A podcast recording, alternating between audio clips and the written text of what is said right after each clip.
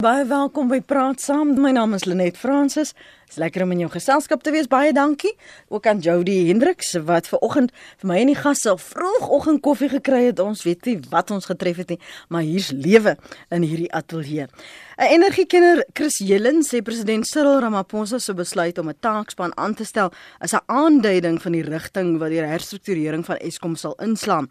Ramaphosa het Vrydag die taakspan van 8 lede aangestel om Eskom se voorgestelde regrukstrategie en die bestaande sakemodel te beoordeel en die taakspan moet ook oplossings vind vir die kragvoorsiener se bedryfs se strukturele en finansiële probleme. So die taakspan is nou in plek. Ons probeer kook en werk om die beurtkragskedules en ons probeer nog sin maak van al die geraamtes van staatskaping. So ons bespreek vanmôre die stand van sake by Eskom. Is daar lig aan die einde van die Eskom skakelaar wat hulle geld sake betref? En jy kan saam praat. Ek het 'n uh, vriend wat werk by Eskom en elke keer as ons Eskom se sake bespreek, kry ek SMS'e wat sê jy loop op gevaarlike terrein. So, Hoopelik gaan nou nie vanmôre SMS'e wees nie, net van ons luisteraars op ons SMS lyn.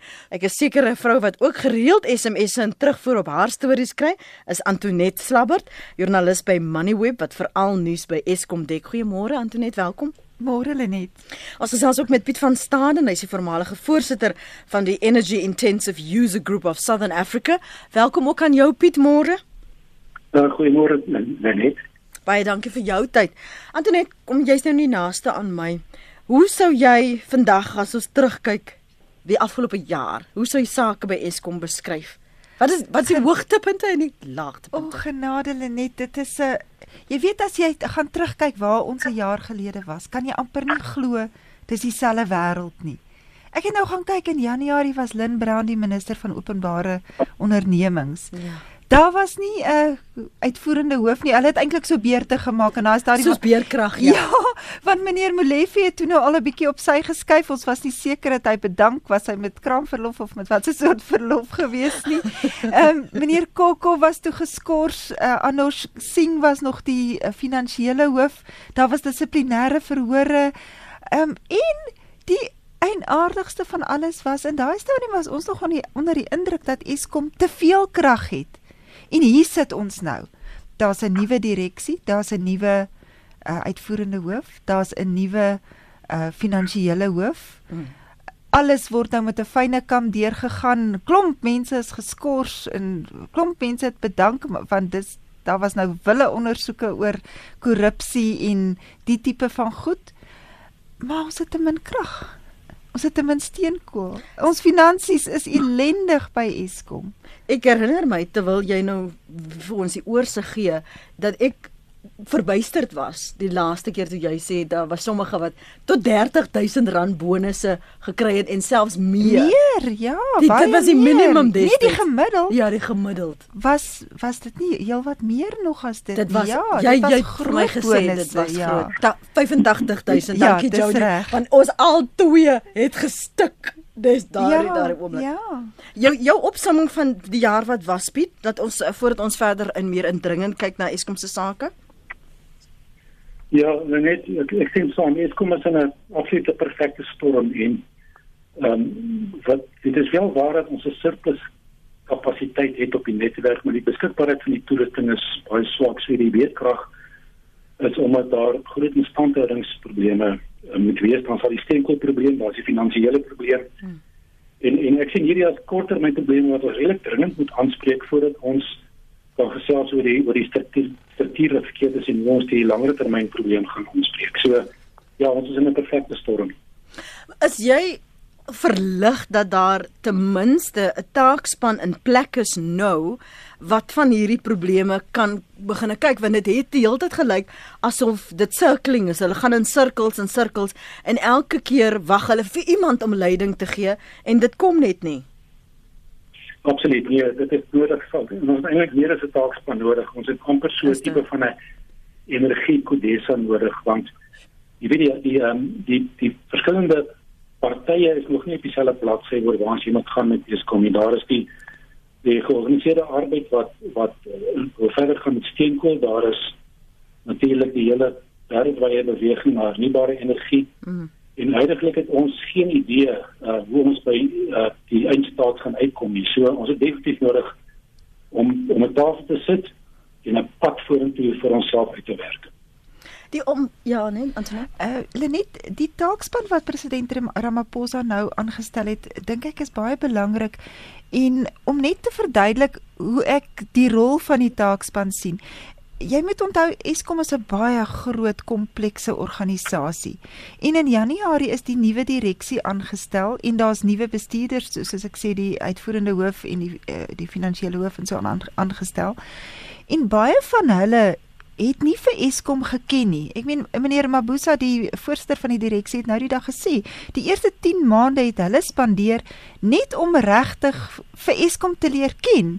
Maar nou is hulle dilemma dat baie van die mense wat daar was toe die probleme veroorsaak is, die mense is op wie hulle moet staatmaak om die inligting te kry. So dis nou 'n bietjie van 'n tamaletjie, maar die direksie is eintlik kenners van korporatiewe bestuur. Hulle hulle is nie noodwendig Eskom en energiekenners nie.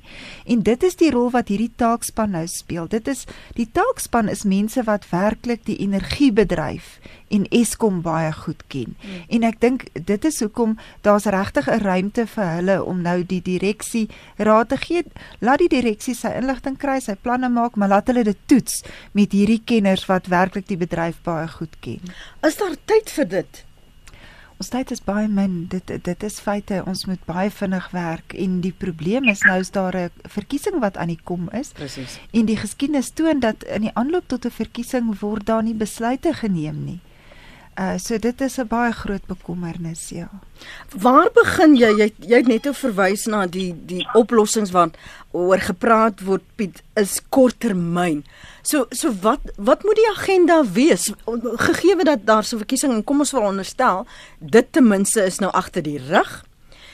Waar begin jy om te herbou, om vertroue te herstel? Want soos jy self nou reg uitgewys het, elke een uh, neigende in 'n verskillende rigting. Ja, net ek dink weet daar is so hoe die hoe die son benadering volg en sê die onmiddellike behoefte is om net die bestaande toerusting betroubaar te kry. Ons daarom terwyl ons nou dink oor hoe ons vir baie ons gaan die industrie hmm. dan se doen terwyl die ligte brand. So daar is so 'n korttermyn um, stop die bloeding aksie wat nodig is. Net om die besigheid te stabiliseer die steenkool situasie ehm um, is kom met 'n klomp korter met kontrakte gesluit so ek het bietjie hoop dat ons wat die steenkool voorsiening betref ehm um, gaan regkom. Ons het nog steeds risiko vir die vir 'n nat somer as daar baie reën val ons van die myne wat jy kan lewer nie maar ten minste moet jy net eers die stel stabiliseer dat jy die ligte aan het terwyl jy dan oor die lange termyn goed praat. Wat die finansies betref is en ek weet nie of Andreas Tantie maar ek dink jy weet hulle skuld is enorm dat daar sal waarskynlik moet uh, hulp van die staat se kant af afkom en dan sal 'n mens ehm um, nou kyk na die permanente oplossing wat wat 'n redelike groot ingreep gaan wees. Jy gaan eers jy gaan nie waarskynlik begin om die netwerk en die staatlike operateurs te skei van die kragstasies. Dis met privaat kapitaal in die besigheid kry sodat dit dit is 'n groot investering wat waarskynlik 'n paar jaar gaan neem. Ja, ehm um, Lenet, dit is definitief so die heel eerste ding is om die huidige netwerk te stabiliseer. En Eskom het al vordering gemaak daarmee. Ons het uh, in die week 'n uh, vergadering gehad by Eskom waar hulle vir ons gesê die steenkoolvoorraad situasie lyk nou al beter. Dit is net vir baie interessant dat ons is elke keer met Eskom by 'n verskriklike krisis. En dan kom daar 'n politikus en hy klap die sweep en dan kry hulle dit 'n bietjie beter reg vir die volgende paar weke of maande en dan is ons kort voor lank weer by 'n krisis. Mense sou graag wou hê Eskom moet op 'n deurlopende basis beter doen. Jy het die situasie nou dopgehou en en die afgelope paar jaar kan jy beskryf vir ons die atmosfeer? Um ek sou my indink die moraal is laag veral wat werkers betref want hulle is heeltyd in die nuus. Maar selfs nou met hierdie vergadering waar jy sê, ehm um, dit lyk asof daar plans en dan soos weer op die agtervoet. Beskryf vir my hoe daardie perskonferensies, daardie vergaderings verloop. Veral wanneer daar so gespekuleer word en nog 'n geraamte kom uit die kas of nog 'n persoon word in 'n in 'n kommissie na verwys. Ja, ek dink dit is baie moeilik om by Eskom te werk. Jy weet, ehm um, dit is wat 47000 mense wat daar werk, is 'n geweldige hoeveelheid mense. En daar is van hulle wat regtig geweldig knap is. Daar's mense wat hulle loopbane is Eskom, soos meneer Kokko gesê het, sy sy bloed was blou of wel, ek weet nie wat nog is nie, maar maar hy het in die parlement gesê hy's 'n Eskom mens deur en deur. Nou daar's baie sulke mense wat wat van jy weet dis hulle eerste werk, werk. hulle werk mm. daar tot hulle aftree. En dis 'n baie gevestigde kultuur. Maar daar is ook definitief 'n probleem met die kultuur. 'n 'n 'n ingesteldheid van ehm um, die Engelse praat van entitlement. Jy weet, ons is geregtig op hulp van die regering. Ons mm. is geregtig op bonusse. Ons is geregtig op groot salarisse. Maar nou natuurlik, dis vir algemeening. So jy het in hierdie groep mense, ouens wat regtig hulle bes probeer en dan is daar hierdie bestuur wat dit wil hê en daai bestuur wat dat wil hê. En jy wat vir jare by Eskom werk, weet hierdie nuwe gier gaan nie werk nie, maar dis nou dis nou die opdragte. So hoe hoe handhaaf jy jouself in hierdie omgewing? En dan is daar ander mense wat daar is wat net na hulle eie beursies wil kyk, wat self sake doen met Eskom, wat besig is om om te konkel om uh, jy weet met verskaffers saam te te heel en ja. dan kry jy 'n bietjie terugbetaling in jou mm. agtersakke. En nou is daar ondersoeke om hierdie mense uit te dryf en jy weet nooit wat is die agenda met die ondersoek is dit nou regtig om die regte skelms uit te kry of is dit om hulle dalk te beskerm? So dis 'n baie baie moeilike werksomgewing. Maar die mense word baie goed vergoed. En ek dink 'n mens moet dit nie uit die oog verloor nie. Ek dink Suid-Afrika is geregtig op beter diens van Eskom en om om 'n meer deursigtigheid te sien. Dis reg, ja. Die kundigheid wat daar was want dit is wat elke keer ter sprake kom ook nou het jy verwys na die taakspan en ten minste is daar mense wat insette kan lewer. Is daar nog kundigheid by Eskom? En veral wanneer hierdie nuwe gure deur waai, in hoeverre sê jy maar dit maak nie sin in die werkskonteks wat ons moet lewer en wat ons mandaat is nie. Het jy nog daardie ehm um, brave souls? Ja, ek verstaan daar het 'n klomp mense geloop. Daar is 'n klomp kundige mense wat weg is by Eskom. En die gevaar is as jy nie die vermindering van personeelgetalle reg bestuur nie, gaan jy juis die ouens verloor wat jy wil behou en die wat nêrens anders het om heen te gaan, jy hulle gaan agterbly, so jy gaan jou vlak van kundigheid en ervaring dalk uh, verlaag in die proses. Ehm um, ja, dit is definitief 'n probleem en dis nie net die kundigheid op topbestuursvlak nie. Dis die kundigheid van iemand by 'n kragstasie, van 'n ingenieur wat op die perseel is. Uh, dis die jy weet die kundigheid moet van bo tot onder Ach, ja. daar wees. Dis 'n tegniese omgewing en jy het tegniese kundigheid nodig.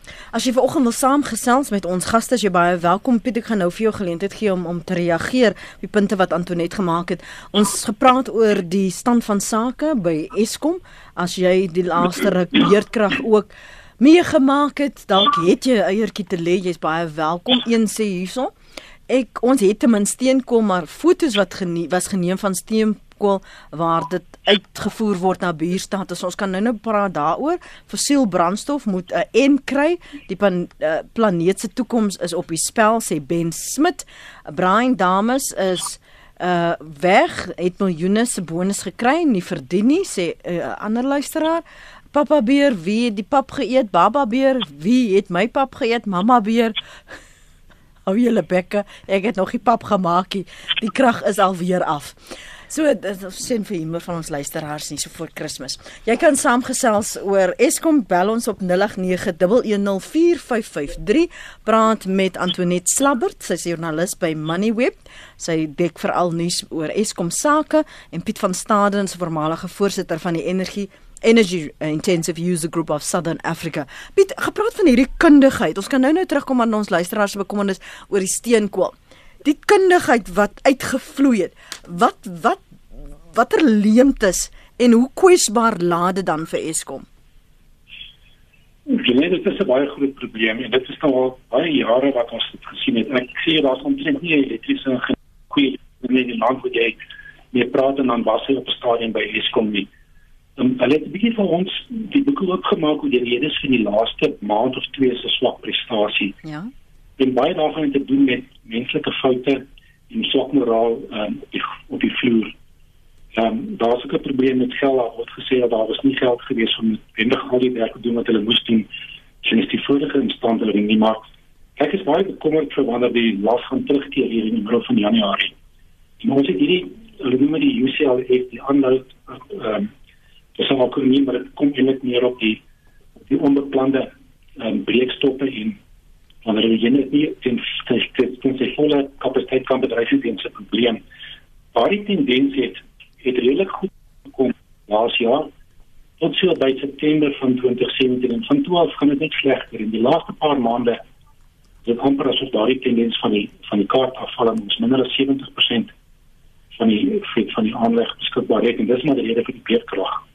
En dit dit spreek direk oor die kundigheid van die mense wat die aanleg bedryf en die kwaliteit van die standhouding. So dit is dinge wat jy nie gou gaan omdraai nie. Ons is maar bekommerd dat daar weer beter beerdkrag gaan wees wanneer die las terugkom in Januarie uh, maand.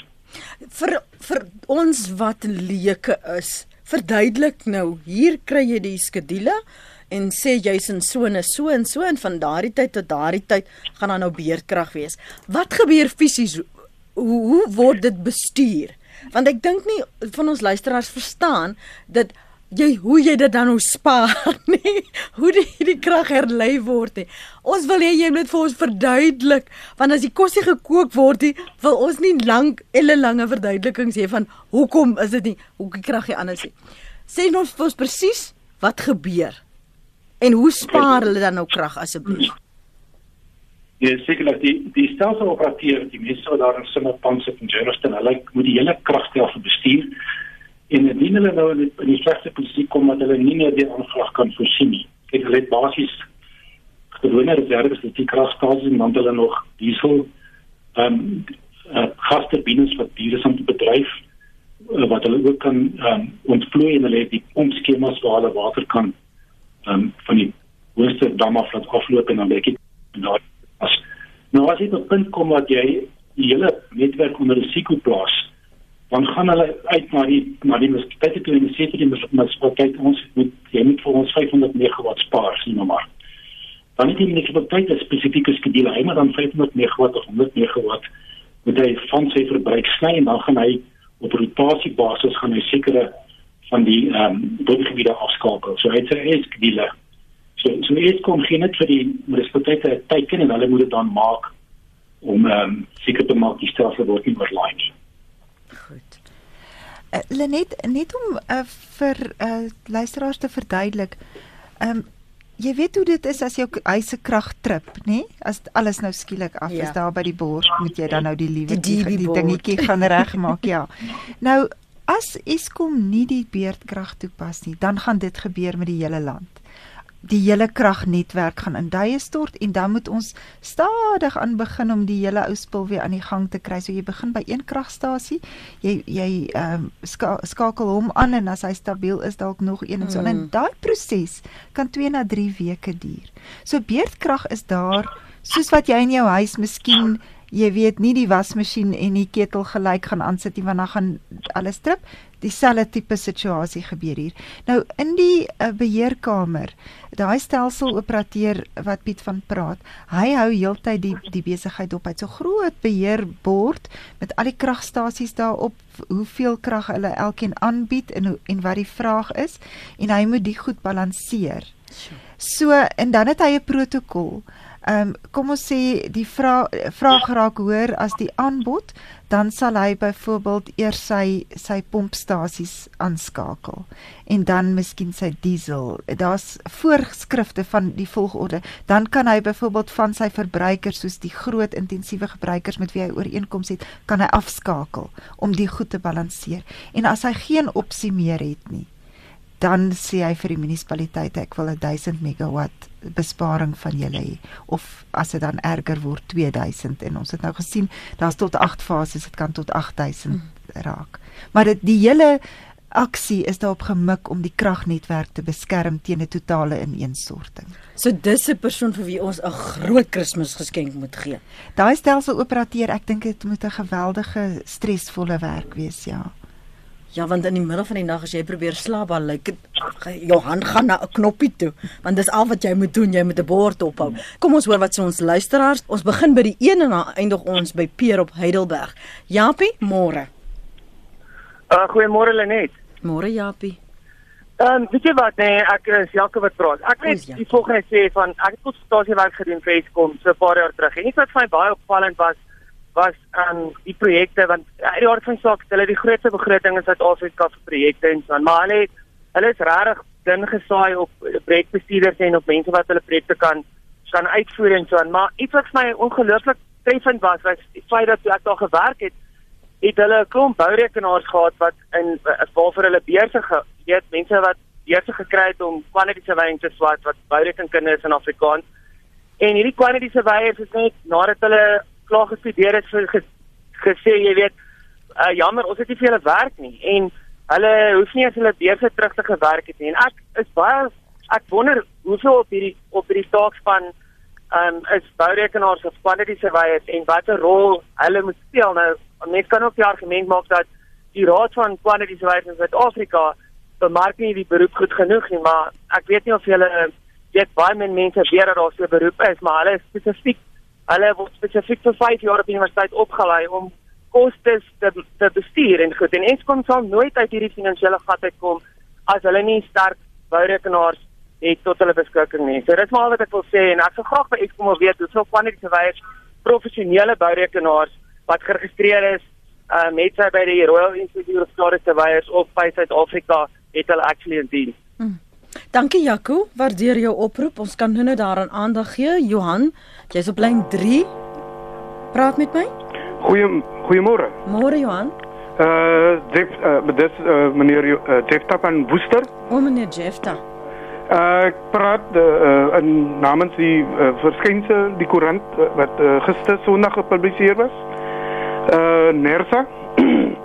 Waar Nersa sê die opskrif is Nersa aan Eskom, die dood. Dis geen verskoning, dis die opskrif. Dan sê Nersa hierso, Nersa sê al die regering so 'n opdrag gegee, moet Eskom verantwoordbaar gehou word vir die wyse waarop dit geïmplementeer is. Nou, punt. Verbruikers kan nie verantwoordelik gehou word vir die koste impak van hierdie besluite nie. Net so moet Eskom en nie die verbruikers nie verantwoordelik gehou word daarvoor dat duurder steenkool gekoop moes word.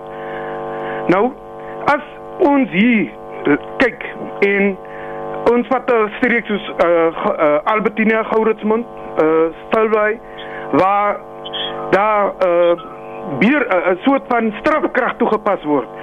Die mense kan nie hulle krag koop vrymoediglik met die volgende as hulle byvoorbeeld eerste uh, uh, van die maand gekoop het en dan hier by die 20ste weer net die, die nodige vir uh die res om hulle vir die res van die maand deur te bring nie. Mm -hmm. Kom hulle daar. Dit is in Albertina in Gouritsmond streek. Mm en hulle wil daai laaste week uh die krag koop tot weer tot by die eerste. Dan moet hulle eers 3 4 500 rand neersit om net daai 100 rand se krag te kan kry. Ek hoop Suid-Afrika hoor dit wat in Gouritsmond, Albertina, Stilbaai en ek dink Slangerpier, Heidelberg se munisipaliteit aan die mense doen. Dit is soos apartheid wat weer geïmplementeer is oor die mense. Dit hang soos 'n swart hang dit. En ek hoop dat die wat iets daaraan kan doen, dit gou daadwerklik die verandering in daardie mense kan bring. Dat hulle hulle dat hulle die mense kan laat lewe kommerloos dat hulle hulle krag kan gaan koop en doen wie soos dit net 'n paar jaar terug dit gedoen het. Hoe lank gaan dit al aan? Hoe lank 'n instelling wat die DA koalisie uh, uh, uh, ingebring het oor die mense van Albertina en Gouritsmond en daardie streek. Sê gou so, vir my meneer Jefton, so ja, hoe eerstens hoe lank gaan dit al so aan? Dit is en nou tweedens 3 of 4, miskien ek weet nie 5 jaar wat dit so aangaan. Mhm. -huh. En ek het 'n brief geskryf Uh gee goeie brief. Ek het 'n brief geskryf aan uh Jellen Zille. Mm. Dit was op Ek gee dit vir jou hierso. Gelukkig is dit als hierso. Daar sê. Pre, die, die premier van Weskaap, Helen Zille, privaat saak X94 9043 vir wie dit mag aangee. Hiermee wil ek graag onder die aandag bring dat duidelik aan die gang is in die streek Ribbesdal, Gourots, uh, Albertina, Gourotsmond. Die noodroep aan die volk is baie groot en baie ernstig. Die probleem is dat ons 3 jaar terug krag aangekoop het, net soos enige ander dorp. Nou word ons inwoners verplig om die krag te koop soos die munisipaliteit dit vasgestel het en dit maak die volk egter baie seer en ongelukkig. Albertine, Gourotsmond en daardie dorpe is is weer is daar nie baie werksgeleenthede nie. So, die volk moet as ware net werk vir kos. Dit is juis Albertine waar die nood op sy ergste is. Die mense kan dit nie langer verdra nie. Die mense wil weer krag koop soos voorheen en ook soos al die ander dorpe. Dan is die twee punte ons het die gemeenskap wil krag koop soveel ons kan.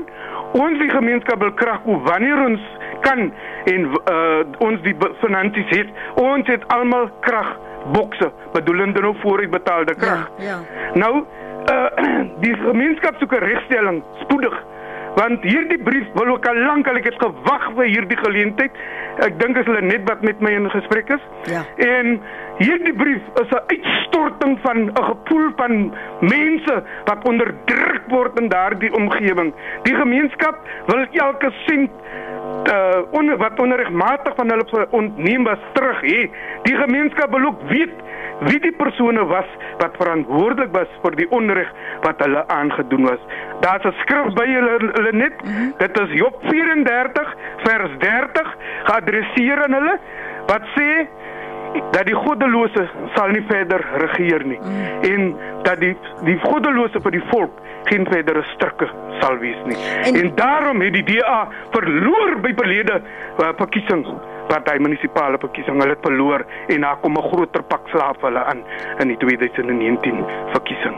Ek dink die die mense van uh, Slangrivier Stilbaai, Gouritsmond, Albertina Amen. voel ver oggend dat Amen. jy het namens hulle gepraat, jy Amen. weet, jou beurt is jou beurt, hierdie was jou geleentheid. Precies. Baie dankie dat jy ingebel het. Ek waardeer dit. Uh, en ek ek kan letterlik voel hoe inwoners van daai gebied want jy kry nie kans om te praat, jy kry nie kans op nasionale radio om te sê wat dit is nie.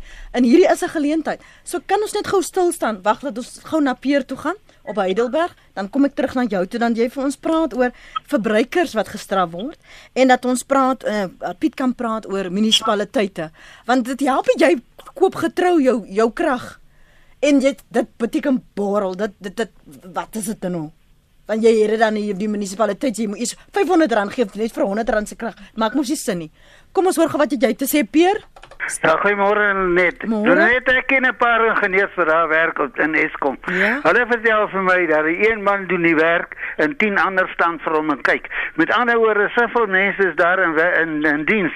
En dit lyk my dis alles net politiek wat die mense instoot om om vir die werk te gee. En die ander vyf van die saak is die munisipaliteite. Die uh, hulle uh, die die townships se mense betaal nie hulle rekenings nie. En dan hulle water en ligte rekenings nie. Dan moet die uh, die die die mense wat die rekenings betaal, hulle geld word gebruik om uh, salarisse te betaal by die munisipaliteite en dit word nie oorbetaal aan Eskom nie. Maar die munisipaliteite, hulle skroef nie die mense op wat nie betaal nie. Hulle moet hulle dagvare uitverkoop, maar hulle doen dit nie want natuurlik is hulle die ANC is bang Hulle sê my weer vir ANC nie. Alraai, dankie hoor. Bye. man, lekker bly daarso op Heidelberg. Ek wil gou nou lees juis wat uh, Jody belig op ons SMS lyn. Ek lees vir julle 'n paar want dit sluit aan by die menings wat ons tot dusver gehoor het. Lenet wat die man sopas gesê het, is die waarheid selfs in Sedgefield was ons beplig om meer as R200 se krag te koop. 'n Ander een sê volpunte vir meneer Jefta, Heidelberg se inwoners kry net so swaar. 'n Ander een sê ja, die man praat waar. Ons hier op Heidelberg moet eers R220 betaal voordat jy jou krag kan koop en dit maak ons pensionaars se moeg. En dan skryf 'n ander luisteraar is dit ehm um, Wilma, why do we not get reduced statements with load shedding? My mom as electricity account says stays the same irrespective whether we were without electricity for several days, skryf Wilna. Kom ons praat gehoor van hierdie aspekte en dan gaan ons oor die munisipaliteite gesels en jy kan ook daar aanraak saam met Piet. Ja, Lenet, ek dink verbruikers oor die algemeen voel baie gefrustreerd. Uh, ons krag uh, uh, rekenings raak net al hoe hoër, maar dit is asof die diens wat ons kry baie swakker is. Nou wil ek sê, o, ek, laat ek net eers dit by sê, die ander dilemma is dat Eskom het net twee bronne van inkomste. Dis of die verbruiker deur elektrisiteitstariewe of die belastingbetaler deur die aandeelhouer. So wat ook al waar Eskom se hulp ook al vandaan gaan kom, dis ek en jy. Mm. Of dit nou deur Mm. belasting is Mm. of deur tariewe, Mm. Ehm uh, mens kan dalk die verspreiding van watter verbruiker wat betaal of watter belastingbetaler wat betaal kan jy eh, 'n bietjie manipuleer, maar dit kom maar uit ons sakke en dis hoekom ons so kwaad raak oor die ondoeltreffendheid en die korrupsie wat ons sien. Maar daar's 'n ander aspek wat ek dink uh, meneer uh, Jafta nou aangeraak het en dit is die op die munisipale vlak die voorafbetaalde meters en die die uh meterstelsel en die rekeningstelsel wa, waarmee ons as verbruikers gekonfronteer word. Wat geweldig onakkuraat is Da- daar's ook baie gekonkel daarbey Ja. of net ondoeltreffendheid. Om vir jou 'n voorbeeld te noem ehm um, in die stad Tshwane waar ek nou woon en ek, ek het baie te doen gehad met hulle ehm um, rekeningstelsel was daar hierdie voorafbetaalde kontrak met Pio Capital Partners. Dit die hele kontrak is deur die hof tersyde gestel omdat dit onreëlmatig was. Maar nou is daar 'n klomp uh besighede, groot besighede. Daar's sonder dat hulle dit gekies het, die stad en hierdie diensverskaffer het by hulle hierdie voorafbetaalde meter kom installeer en hulle betaal, hulle het oor 'n tydperk van jare hulle kosteberekening van die produkte wat hulle verkoop gegrond op die elektrisiteitskoste soos hulle dit gesien het. En nou kom Tshwane terug na hulle toe en sê Daar was 'n stelling op jou meter wat verkeerd was. Onthou die verbruiker het niks te doen met hierdie stelling nie. Dis tussen Pio en die stad. Daar was 'n stelling wat verkeerd is. Ons het onderverhaal. Jy skuld vir ons soveel miljoen rand. En daar's 'n hele paar maatskappye waarmee ek nou al te doen gehad het wat in daai dilemma is en die stad is net Iemand anders se fout. hardvogtig. Nou, hoe gaan jy? Jy het nou jou produkte uitgevoer oor see. Hoe waar gaan verhaal jy nou daai geld? As ek by jou brood koop, Ja. kan jy nie 2 dae later kom en sê maar ek het jou te min gevra vir die En brood. nadat jy klaar met brood ook geëet het. Presies. En dis die dilemma. Wat ek meneer Jaffe Jaffe kan sê is ehm um, ek dink hulle moet dalk vir Nersa die reguleerder nader. Nersa probeer om as 'n bemiddelaar tussen die munisipaliteit en die verbruiker op te tree. Dis dit is die moeite werd om dit te probeer. Onthou munisipaliteite se tariewe is gereguleer. Hulle kan nie net vra wat hulle wil nie. Nou is dit nie vir my duidelik waarvoor daai daai ekstra bedrag is wat hulle moet betaal nie. Iets wat hulle in gedagte kan hou is die meeste munisipaliteite het 'n uh, regulasie wat hulle toelaat as jou waterrekening en jou eiendomsbelasting agterstallig is en jy koop by jou voorafbetaalde meter krag, dan kan hulle daai geld eers vat om jou ander rekening te vereffen voor hulle vir jou krag gee. Nou weet ek nie of dit is wat daar gebeur nie, maar ek dink nie hierdie tipe goed word gewoonlik baie mooi gekommunikeer dat die verbruiker dit verstaan nie. En dit is baie sleg. Jy wil net 'n bietjie krag koop. Ja, jy jy gaan jou jou eiendomsbelasting betaal, maar jy het nou 'n bietjie agter geraak en dan sit jy die geld in vir daai meter in weg is die geld. Maar ek dink die die die punt wat meneer Jefte ook probeer maak het is dat mense wil uitgelewer. Ja, Jy het al reeds so min. ja. Nou vra iemand vir jou wie ook al in bewind is in daardie streek. Jy moet eers nog soveel gee voor jy vir dit werk mos net ekonomies sin nie. Ja, nee, dit is baie. Waar gee jy moeilik. R300 vir 'n R100 of R50 se krag? Dit dit maak mos net nie sin nie. En dis die uitbuiting wat voortgaan. Kyk, as die as dit is om hulle ander rekenings te vereffen, die eiendomsbelasting en die water, dan moet 'n mens verstaan vir 'n munisipaliteit is dit die enigste hefboom wat hy het. Hy mag nie water afsny nie, hy mag wel die toevoer beperk. Maar in terme van die grondwet mag jy nie dit doen nie. En wat maak jy nou met eiendomsbelasting? Jy kan nie daai grond net vat as die rekening bietjie agterstallig is nie. So die enigste hefboom wat hulle het vir kredietbeheer is om elektrisiteits uh, toevoer af te sny. So dis waar dit vandaan kom as dit is wat Mm. meneer Jafta van praat.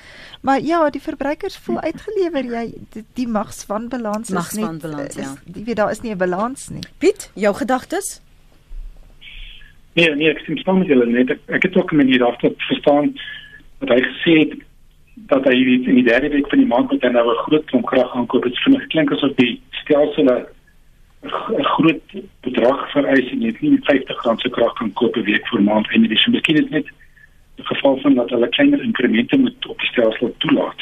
Maar ek het ook nie mooi verstaan wat sy wen is nie ek stem saam dat dit beslis meer gebruikersvriendelik gemaak moet word dan. Hierdie wanneer ons beerdkrag het, word die wyse waarop die rekening saamgestel word, word dit uh, gefilter word daar dit in ag geneem. Want hoekom soos wil nou jy sê Hamas se rekening is dan nog steeds dieselfde? Ja, 'n mens moet onthou jy betaal per eenheid elektrisiteit wat jy ver, wat jy gebruik. So as jy beerdkrag het, dan gaan jy mos nou nie 'n eenheid verbruik nie. So hy behoort van self uh, jy weet homself uit te sorteer wat eenhede die eenheidskoste betref, maar dan is daar seker verbruikers wat baie groot beskikbaarheidsfooie betaal.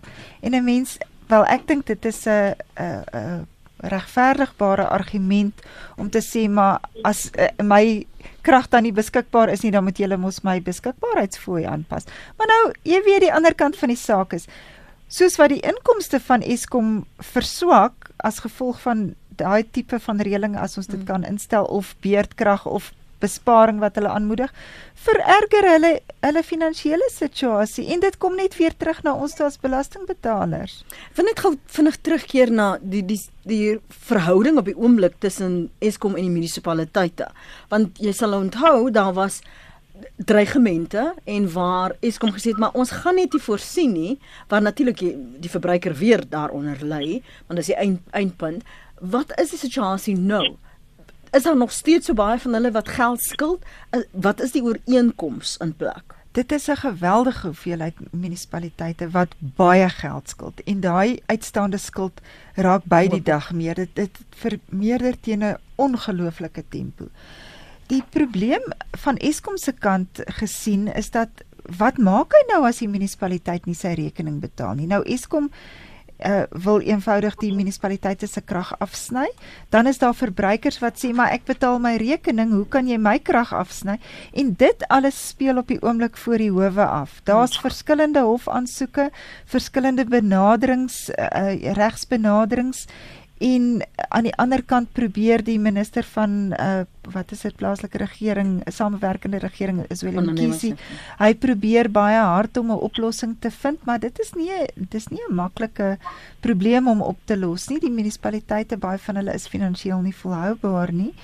So ja ons het nog nie uitsluitsel oor hoe dit heeltemal hanteer gaan word nie. So Piet Eskom sê ons moet eintlik in die nuwe jaar meer betaal vir ons krag Hoekom wil wil die luisteraars weet en hoekom kom Eskom daarmee weg om elke keer 'n lening te kry by die regering um met die een of ander voorwaarde maar hulle word net nooit verantwoordbaar gehou nie. Hulle ignoreer net daardie voorwaardes en gaan net aan. Ek net ja ek ek um, ek dink miskien moet ek net eers verduidelik hoe werk hierdie Eskom prysbepaling. Jy weet ons het 'n 'n multi-jaar stelsel waar Eskom elke paar jaar na Nersa toe gaan en aansoek doen vir vir 'n nuwe prys ehm um, pryspad en en hoe dit werk volgens die huidige regulatoriese ehm um, beginsel is dat Eskom is geregtig op 'n om 'n opbrengs te maak op op op hulle beleggings en dan ook hulle koste te verhaal solank die koste effektief aangegaan is. En en daardie opbrengs wat jy veronderstel as om te verdien plus jou waardevermindering plus jou kostes deel hulle dan weer die verkope vir die volgende jaar die geskatte verkope om by 'n prys uit te kom. En die dilemma nou is dat die kapitaalprogram van Eskom is enorm en die uh verkope het nie gestyg die laaste klompe jare nie. So as jy die formule uitwerk dan kom dit daar weer dat Eskom geregtig is op 'n beduidende prysstygings Nou hulle het nou met die huidige aansoek gesê hulle verstaan dat daardie tipe van prysstygings nie moontlik is teen toe. Hmm. Uh doen hulle aansoek vir 'n 15% verhoging vir die volgende 4 jaar of uh volgende 3 jaar. Maar selfs dit ehm um, bring die dilemma mee dat as jy die prys opsit, is daar al meer en meer elastisiteit van aanvraag. Dit beteken mense gaan minder krag gebruik en die groot verbruikers kan dalk verskuif. Mense sit panele op hulle dakke en en dis die groot dilemma van Eskom die die prys wat hy nodig het om hierdie skuld lokval uit te bestuur, gaan veroorsaak dat al meer en meer verkope verloor en en dan kry jy hierdie sogenaamde utility debt spiral probleem. Hmm. So ons het nie baie duidelik wat nou se gemaak met hierdie aansoek nie. Ehm um, daar gaan in Januarie maand publieke verhoor wees en ek dink ehm um, ons het nou gaan in Februarie maand die ehm um, prysstygings aankondig wat ons vanaf 1 April en 1 Julie volgende jaar sal gee. Maar die ding is die verbruikers kan dit nie bekostig nie. Ons ons sit in sukkel in met die verlangsaming van ons ekonomie. Ja, die aandag is altyd op op uh Eskom se tariefverhoging, maar ek dink ons as verbruikers moet ook meer betrokke raak by die proses wat daarna volg wanneer die munisipaliteit sy tariewe vasstel want dis ook 'n openbare proses dis deel van die uh, munisipaliteit se begrotingsproses en en ehm um, Nersa maak gewoonlik 'n aanbeveling hulle sê op grond van Eskom se verhoging en die prysstygings in die munisipale omgewing dink ons julle behoort soveel meer te vra in die nuwe jaar vir julle elektrisiteit. En as daai munisipaliteit meer as dit ekstra wil hê, dan is daar ook openbare verhore by Nersa. Nou ek weet dit is makliker gesê as gedaan want daai verhore is in Pretoria. Nou hoekom meneer Jefta nou in Pretoria ja. vir die openbare verhoor? Hmm. Maar uh, mens moet regtig daai maar, maar kyk hoe jy daai aan daai proses kan deelneem want of jy 'n idee te gee Uh Eskom se tarief is in die omgewing uh, so so net onder 'n rand uh per kilowattuur, dis die eenheid waarin dit verkoop word. Nou teen die tyd dat jy hom koop by die munisipaliteit, is hy nader aan R2. Nou daar's daar 'n groot gaping tussenin. So as ons nie net op Eskom se verhoging kan fokus nie, maar hmm. ook daai verhoging op munisipale vlak 'n bietjie kan kan bevraagteken. Hmm. Dan is daar dalk iets te wen. Net 'n ander dingetjie wat ek graag wil noem, uh, spesifiek vir meneer Jefta en die mense wat daar in sy omgewing uh probleme het met die tarief. Daar's 'n struktuur aan die munisipale tarief. Hulle hulle praat van die inclining block tariff. En dit is juis ingestel toe daar te min krag was om mense te ontmoedig om so baie krag te gebruik in 'n maand. Daai tarief veroorsaak dat hoe meer jy in 'n maand koop, hoe hoër is die tarief per eenheid wat jy betaal. So as jy aan die begin van die maand kom ons sê R150 se krag koop, dan gaan jy miskien 100 eenhede kry. As jy aan die einde van die maand, wanneer jy nou al 'n klompie gebruik het, weer R150 se krag koop, gaan dit dalk teen die hoër tarief wees en jy gaan dalk 75 eenhede kry. En ek dink nie mense verstaan dit altyd nie in die mm. munisipaliteite verduidelik ook nie baie goed nie, maar dit kan 'n faktor wees, jy weet. Jy sien van van daai blok boksies ook aan nou aan ons verkoop as 'n besparingsmeganisme is om beheer te hê oor die krag wat jy koop. Ja, ek dink die gedagte is maar net dat as jy nou kan sien hier raak die krag bietjie min, dan gaan jy dalk vir die kinders sien nie, maar sit daai lig uit uh, sit die lig af as jy uit die, die vertrek uitloop. So mm. Ja, jy weet mhm. spaar dit is maar meer op 'n gedragsvlak as regtig op 'n tariefvlak wat die voorafbetaalde meter vir jou gaan geld. Geen dit gee vir ons agtergrond en inligting mm, in die verhouding um, met die daar was 'n groot uh, gewag gemaak oor die die uh, verskaffers van hernubare energie en daar was 'n gesukkel en daar was 'n hofsaak en waar is ons nou met daardie vennootskap? Wel daar's 'n hele klomp uh privaat kragverskaffers. Dis nou meestal maar die sonkrag, die windkrag, uh, die tipe uh, hernubare krag ehm um, bronne waar die regering het kontrakte aan daai maatskappye toegeken om sê nou maar hulle windplaas of hulle sonplaas te bou en Eskom is verplig om daai krag te koop. Nou die debat gaan daaroor dat veral die eerste rondes van daai, jy weet die vroeë projekte mm. is teen 'n baie hoë tarief word dit verkoop aan Eskom. Nou sê party mense ja, maar dit is die oorsaak van Eskom se finansiële probleme en ander mense sê ja, maar as jy nie daai krag gehad het nie, dan het ons nog groter beurtkrag gehad. Ek dink jy weet daar's daar's voor en nadele aan aan hierdie onafhanklike kragverskaffers. Ons moet verstaan toe ons begin het daarmee, was dit 'n hele nuwe uh, bedryf wat in Suid-Afrika gevestig moes word. So die regering moes beleggers uit die buiteland lok om in Suid-Afrika te kom belê hmm. en hulle moes aanvanklik al die komponente invoer. So as jy aanvanklik vir 'n vir 'n belegger dit aantreklik moet maak, moet jy vir hom 'n goeie opbrengs op sy belegging aanbied want hy loop 'n hoë risiko. Niemand anders het dit nog gedoen in daai land nie. So op grond daarvan is hierdie eerste projekte eintlik per eenheidskoste baie duur. Ehm um, om vir jou idee te gee van hulle is teen uh, Eskom koop die krag teen meer as R2 per kilowattuur en hulle verkoop dit die krag dieselfde krag teen omtrent R1 per kilowattuur. So dit klink of dit nou nie sin maak nie. Maar in hierdie regulatoriese ehm um, formule wat Piet van gepraat het wat Nersa toepas om Eskom se tariewe te bepaal is daai wat hulle noem 'n pass-through. So Eskom sê eenvoudig, dis wat ek moet betaal vir die onafhanklike kragverskaffers en die reguleerder het geen diskresie nie. Hy moet daai geld vir Eskom gee. So Eskom lei nie skade nie behalwe in die opsig dat hy voorkeur moet gee vir hierdie kragverskaffers. Hy moet daai krag eers gebruik mm -hmm. voor hy sy eie kragstasies gebruik. So hy verplaas op 'n manier Eskom se kragstasies. Eskom ontbeer dalk inkomste as gevolg daarvan, maar op die oomblik is dit nie 'n goeie argument nie want Eskom se kragstasies werk in in baie op, jy weet, in baie mm. gevalle het nee, hulle gebreek, hulle werk nie. Die instanding waarvan ons gepraat het. So die pad vorentoe Piet, jy het gesê Ooh, 'n moeilike moontlike moeilike Januarie. Dan het ons daar die uh sittings, die openbare sittings, dan waarskynlik April maand sal ons die heffings sien.